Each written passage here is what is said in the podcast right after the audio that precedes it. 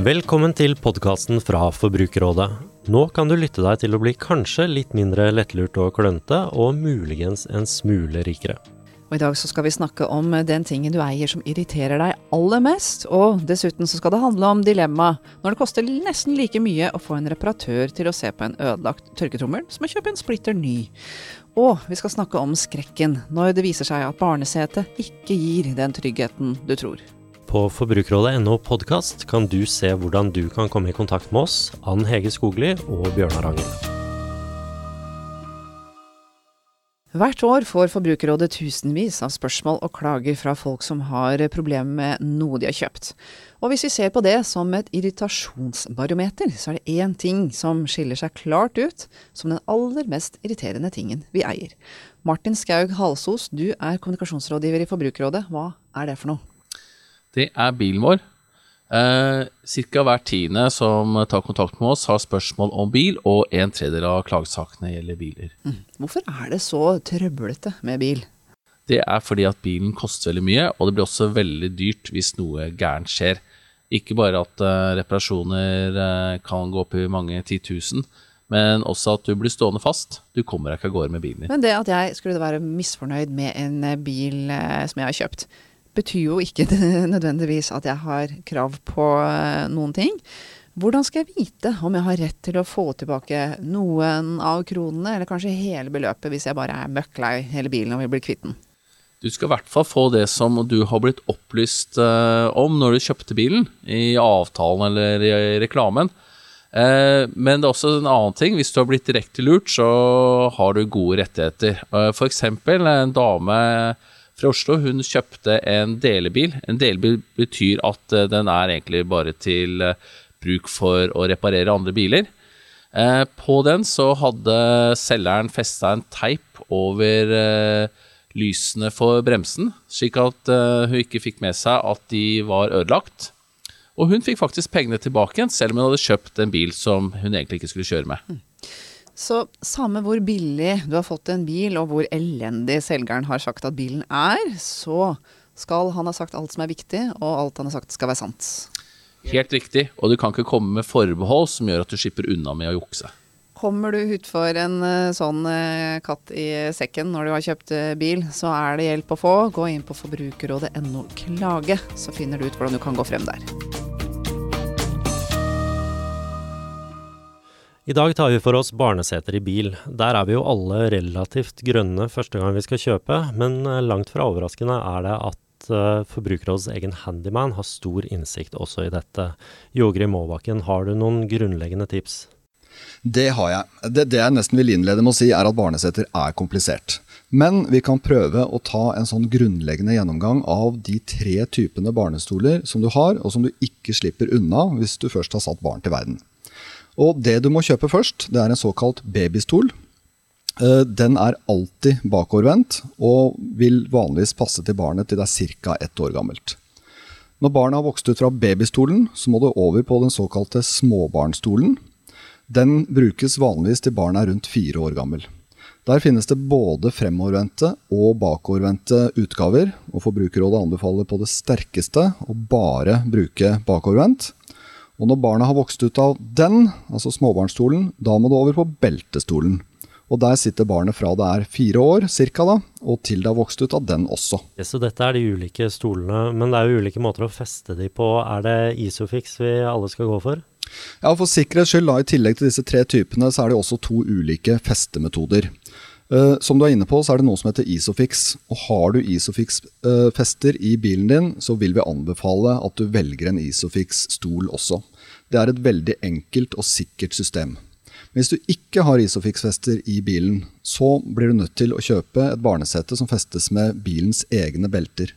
Og det er mye mer komplisert, så da er det viktig at du både leser bruksanvisningen grundig, pluss at du ber om hjelp fra forhandleren der du kjøper stolen. Be om hjelp der, altså. Men uh, for å forvirre kanskje enda mer, så har jeg hørt noe om ulike typer baser også. Hva er det for noe? Ja, for sikkerhets skyld så har vi også, spesielt i babystolverdenen, men også noen småbarnsstoler, så har vi såkalte baseseter. Uh, og de består egentlig av to deler. da. Det er en base, og så selve barnesetet som klikkes fast oppi den basen. Eh, så det er når barnet sover, da, når det er mindre, eller?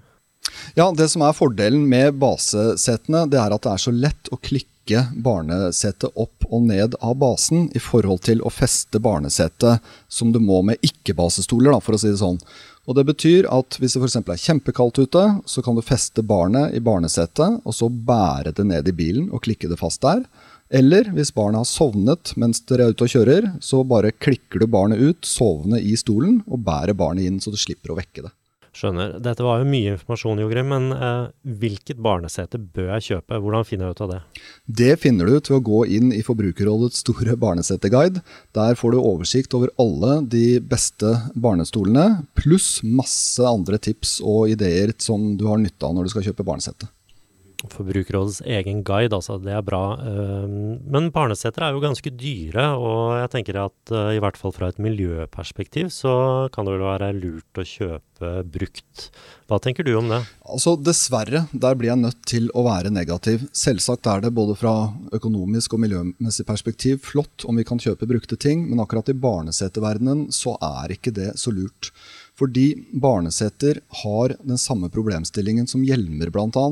Det er at hvis de blir utsatt for slag, eh, f.eks. hvis du mister de i bakken, så kan de få strukturelle skader. Og da kan du rett og slett ikke stole på det produktet i ettertid. Men hvis du har grunn til å stole på den personen det dreier seg om, hvis du kjenner en person, så er det ikke noe i veien for å arve eller kjøpe en brukt eh, barnestol. Eh, du har jo skrevet mye om dette her eh, de siste årene, men nå har jeg bitt meg merke i en sak om et barnesett som heter Concord Reverso. Hva er det den saken går ut på? Ja, Det er en, en litt trist sak. Concorde Reverso er en kjempegod bakovervendt barnestol som vi har skrytt av på Forbrukerrådets sider. Dessverre så har det vist seg at den har en svakhet ved beltestrammemekanismen. Som er sånn at hvis det kommer matrester og sånt nedi den, så kan plutselig beltestrammeren slutte å fungere. Så Derfor ble vi nødt til å skrive om det på Forbrukerrådets sider. Det havner jo fort ting nedi et barnesete som ikke har noe der å gjøre, men er det vanlig at slike beltestrammere kan gå i stykker? Det håper vi virkelig ikke. Vi undersøker saken nå, men uh, inntil videre så har vi bestemt oss faktisk for å gå ut med en egen artikkel hvor vi råder alle foreldre til å sjekke eh, at beltene er stramme etter at barnet er festet hver eneste gang. For vi har fått en del bekymringsmeldinger som kan tilsi at dette også kan gjelde andre stoler. Avslutningsvis, eh, Jogrim, kan du gi oss tre helt klare råd? Det gjør jeg gjerne, Bjørnar. For det første så råder jeg alle småbarnsforeldre til å gå inn og lese Forbrukerrådets eh, barneseteguide. Der er det veldig mye nyttig for alle, det tør jeg nesten garantere. For det andre så vil jeg si bruk bakovervendt barnesete, og bruk det så lenge som mulig. Og for det tredje så vil jeg si plasser aldri en bakovervendt barnestol foran en kollisjonspute som er aktiv. Det er veldig, veldig farlig, så det må man aldri gjøre. Tre gode råd der, altså. Gå inn på Forbrukerrådet og finn Jogrims eminente barneseteguide. Tusen takk, Jogrim. Egil Ivan Eilertsen fra Tromsø. Du opplevde noe som fort kan være en liten krise for en eh, småbarnsfamilie, nemlig at tørketrommelen din streiket. Hva gjorde du da? Jeg er jo i den situasjonen at forhandleren som jeg kjøpte mm, tørketrommelen hos, han er jo lagt ned. Eller gått konkurs eller solgt, eller Så jeg måtte jo forholde meg til det nasjonale merket sin servicestasjon. Og jeg tok kontakt med dem ringte og spurte Det var jo kommet en feilkode på maskinen, så det vil jo tilsi at de burde vite hva det var som var feil. Det er jo derfor feilkodene oppkommer. Tror jeg som er vanlig mann der, som ikke har noe utdannelse innom området.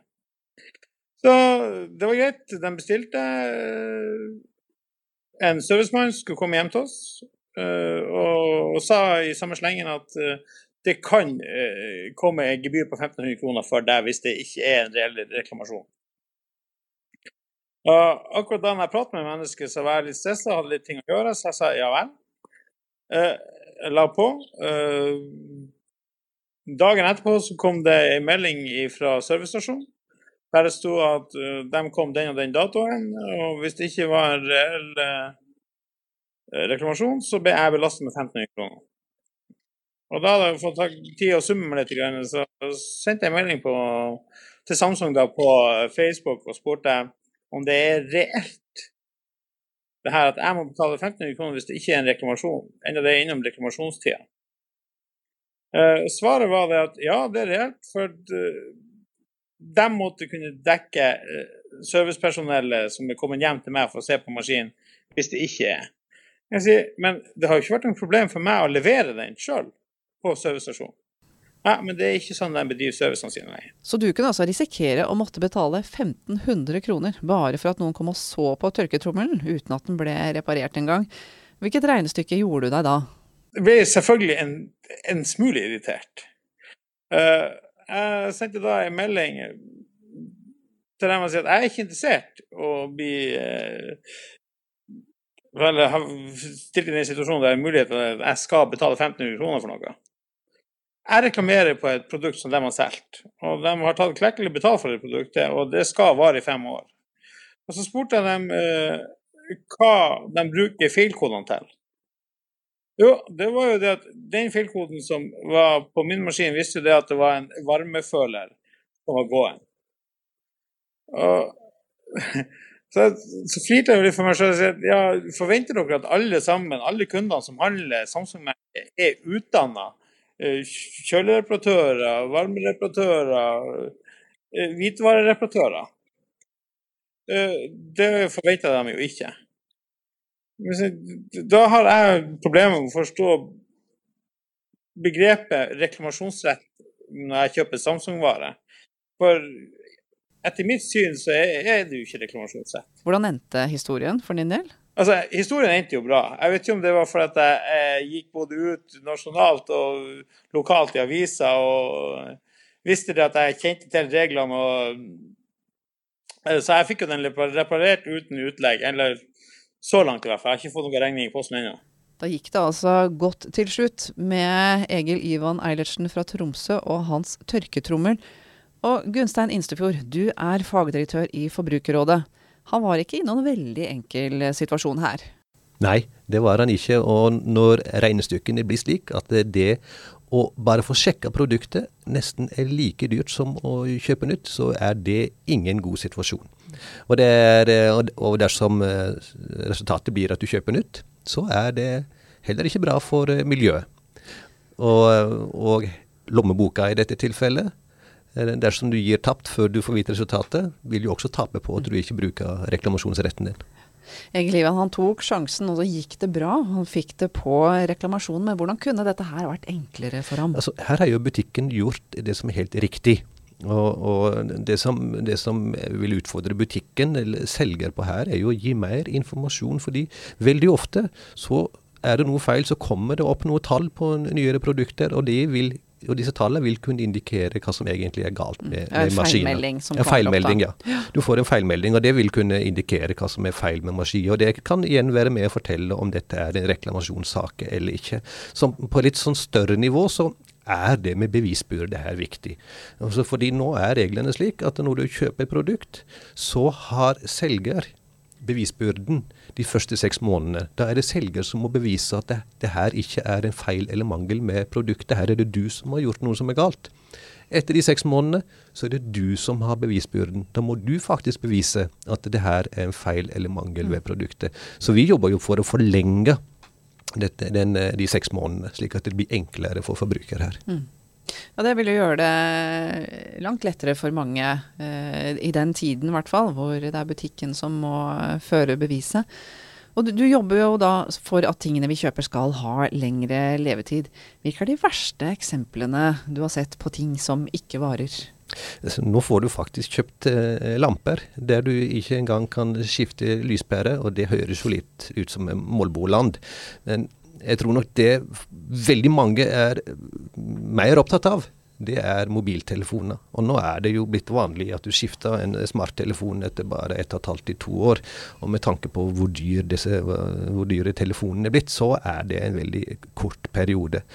Og Går du inn i, i akkurat mobiltelefonsegmentet så, og du ser på de store forskjellene som der er i forhold til liksom de enkle reparasjonene Det å skifte skjerm f.eks. er jo på enkelte modeller dyrt, oppi 4000 kroner. Og på enkelte andre modeller igjen så kan du, eh, kan du ikke skifte batteri sjøl, da må leveres inn, og det er en større operasjon. Og dette er med å og da avgjør hvor lenge du beholde en telefon. Altså Koster det 4000 å skifte skjermen, så skal det mye til å overtale tenåringer til at det her er lurt å reparere fremfor å kjøpe nytt. Ja, for de vil jo heller da ha den aller siste modellen. Ja da. Og det er jo god butikk, jeg skjønner det, men det er ikke så veldig bra for eh, kloden vår. Nei, det er det ikke. Og vi er jo i den situasjonen at mengden produkter per husholdning det, den øker. Og det gjør også den samla størrelsen på vår, vårt ressursforbruk og avfallsmengden i, i, samfunnet. Og det helt avgjørende her i forhold til miljøet er at de ressurser vi tar ut, de har vi i bruk så lenge som mulig. Og da må vi sikre lengre holdbarhet på produkter. Og det er to ting som er viktig. Det første er Altså at vi som forbrukere, når vi går og handler, skal få mer informasjon om hva som er forventa levetid på ulike produkt. Her kan det på mange produkt kan det gjennomføres standardiserte tester som gir oss den informasjonen. Og så må vi få vite kostnadene ved hva det koster å reparere der feil mangler som ofte oppstår. Og, det er, er, er og, og, og, Skal vi komme dit, så må det stilles strengere krav til produkter. De må kunne tas fra hverandre, og de må kunne repareres, og deler må være tilgjengelig. Hmm. Er dette et sånt område hvor vi kan si at her alt var så meget bedre før? Miljødirektoratet i Tyskland har faktisk gått inn og undersøkt dette. Og de har konkludert med at ja, altså på en del produkter så går levetiden ned. På vaskemaskiner så er det antallet som bare har en levetid på rundt fem år, det antallet har dobla seg de siste ti åra. Så her går det i, absolutt i, i, feil retning. Du har fortalt om eh, en del grep som kan uh, tas, men hvordan skal vi få de på plass? Dette jobber vi med i, i Brussel, og vi har sammen med en uh, rekke forbrukerorganisasjoner i andre land et eget kontor i, i Brussel. Og det er høyt på dagsordenen i, i, EU. Og dette er et av de områdene som vi jobber aller mest med. Og så har vi den utfordring at vi lever i et høykostland i, i, i Norge. Lønnsnivået er, er, er høyt. Og, og, da må vi også se på kostnadene ved å reparere. Og eh, kanskje må vi ta noen grep der. F.eks. se på momsen i forhold til reparasjoner. Det er et av de tingene vi foreslår. Vi så at for Egil Ivan så lønte det seg å reklamere. Og hvis du har noen ting som er ødelagt og du lurer på om du har retten på din side, så kan du gå og finne ut av det på forbrukerrådet.no. I denne podkasten så er vi så heldige at hver uke så har Bjørnar lovet å gjøre oss litt rikere. Og da er jeg spent på hva du har å by på i dag, Bjørnar. Jo, denne gangen dreier det seg om strøm, og for all del ikke kjøp strøm på gata. Du har sikkert sett uh, disse kjekke unge mennene som selger strøm utenfor både Vinmonopolet og på butikken.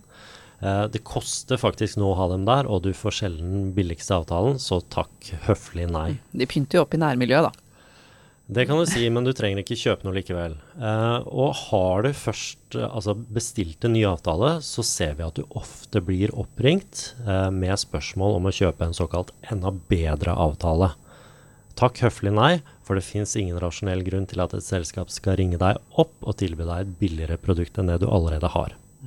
Men hvordan skal jeg kunne klare å vite hva som er en bedre eller en dårligere avtale? Da kan du gå inn på Forbrukerrådets eh, tjeneste strømpris.no og finne en eh, billig strømavtale der. Men det du må huske på, det er å opprette avtalegiro og kanskje e-faktura, for det er ofte et vilkår for å få den billige strømmen uh, du har valgt deg ut. Og ikke minst så må du huske på én ting. Har du valgt en billig strømavtale én gang, du er fortsatt nødt til å følge med, for prisen kan uh, fort settes opp igjen. Så dette er noe jeg bør gjøre kanskje et par ganger i året, da. Men hvor mye er det egentlig å spare? Du, hvis du har en enebolig, så er det faktisk eh, et par tusen kroner å spare årlig på å være en bevisst eh, strømforbruker. I, I, tillegg så vil jeg jo si at uh, du må huske på at den billigste strømmen faktisk er den du ikke bruker. Så skru av lyset, eh, ta kortere dusjer, og ikke varme opp rom du ikke er i. Bare å ta på tøflene og tenne stearinlys, og så ta et par minutter inne på strømpris.no, da. Det er riktig. Der kan vi slå fast at du kanskje er blitt litt mindre lettlurt og klønete, og muligens en smule rikere. Det kan du få mer av ved å abonnere på podkasten Forbrukerrådet. Og liker du det du hører, vil vi gjerne ha stjerne fra deg i iTunes. Du kan til og med bestemme hva du vil vi skal snakke om. Vi kan friste med en lekker drikkeflaske til et av forslagene vi bruker. Vi har snakket om at bilen er den tingen vi eier som irriterer oss aller mest. At det må være mulig å reparere tingene våre, og hvordan du kan sjekke at barnet ditt sitter trygt i bilen. På forbrukerrådet.no podkast ser du hvordan du kan komme i kontakt med oss. Bjørnar Rangel og Ann Hege Skogli, takk for oss.